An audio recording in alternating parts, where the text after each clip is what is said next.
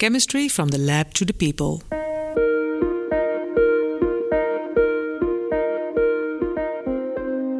Hello, dear listeners.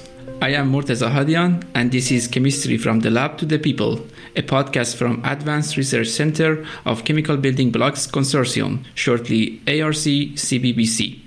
In this podcast, my guest and I try to explain briefly and in simple words the role of methane in our past, current, and especially future life.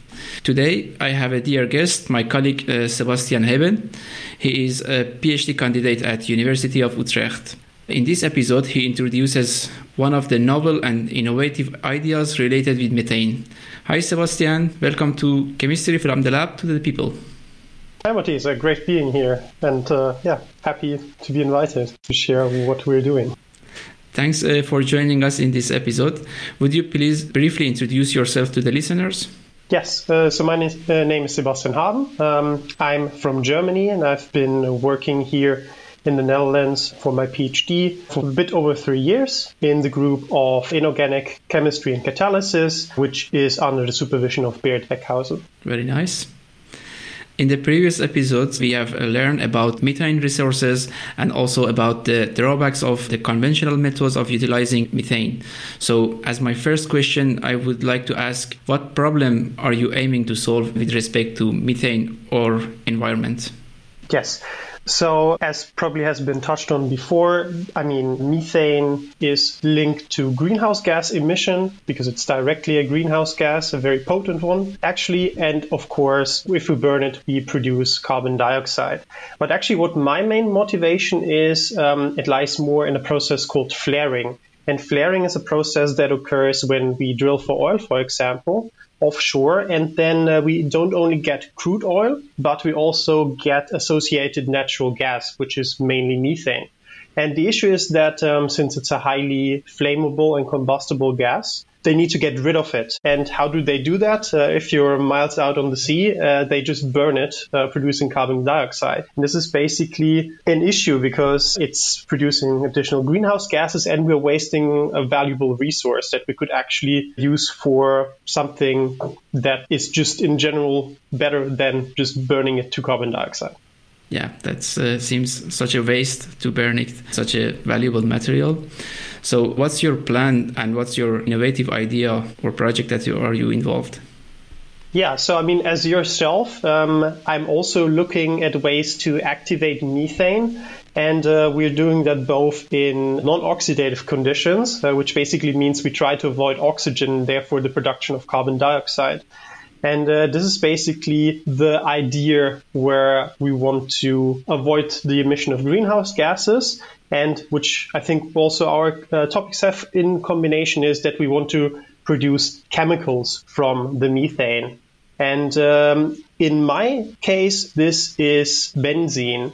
And benzene, usually, I mean, some of the listeners might know that uh, from the gas stations or stuff like that, where it says benzene free, and it's uh, usually not a nice chemical when you are a non chemist. But for us chemists, it's actually quite nice because it's uh, what we call a building block. So you can imagine it like a kind of a Lego piece, and uh, we can use it as a starting block to then make other usable chemicals out of it, like plastics for medicines, for example. And this is why benzene um, is also a good end product for us.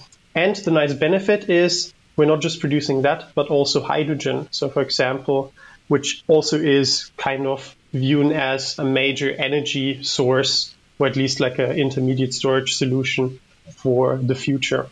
So, actually, as you were mentioning this, you also mentioned the advantage of your method already and I can see that it's very useful to convert a source of trouble to some precious materials.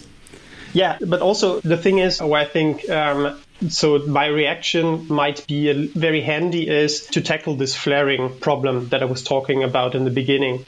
Because um, the other reason why people are just burning the methane away is that um, you would need to store it somehow. And I mean, like, gases are notoriously tricky to store um, compared to a liquid. And so by maybe using our types of reactions to convert this methane into something valuable and also much more dense, because uh, either you convert it to carbon, a solid, or benzene, a liquid, you can much easier store it also on the offshore platform and then transport it back to the land and then use it as something which is much more feasible also in an economic sense than that. I mean, if you want to get further, then you can also think about you're producing hydrogen, so why not use it with uh, a fuel cell, for example, to power the offshore platform? So in that regard, I think if we can get it to work, it might be really a nice way to use this waste product, what is currently considered a waste product, in a very nice fashion. Very nice. So I would say it looks very, very promising, but why we didn't uh, do that like 100 years ago? What are the challenges ahead of it? Unfortunately, it always sounds very nice on paper, but when you go into the lab and you do your reaction, then uh, you quickly come back to what is reality. And in reality, um, while I want to produce benzene, unfortunately, I also produce a lot of carbon, what we call coke. And this has a negative influence on the reaction because it destroys the other chemical that I need to activate methane, the catalyst. And so this is currently really the biggest issue that we need to solve to make this a, to an economical viable process. So this deactivation of the catalyst is what we call it. And this is also where my research ties in because currently we don't have a good understanding of the processes that are behind this deactivation.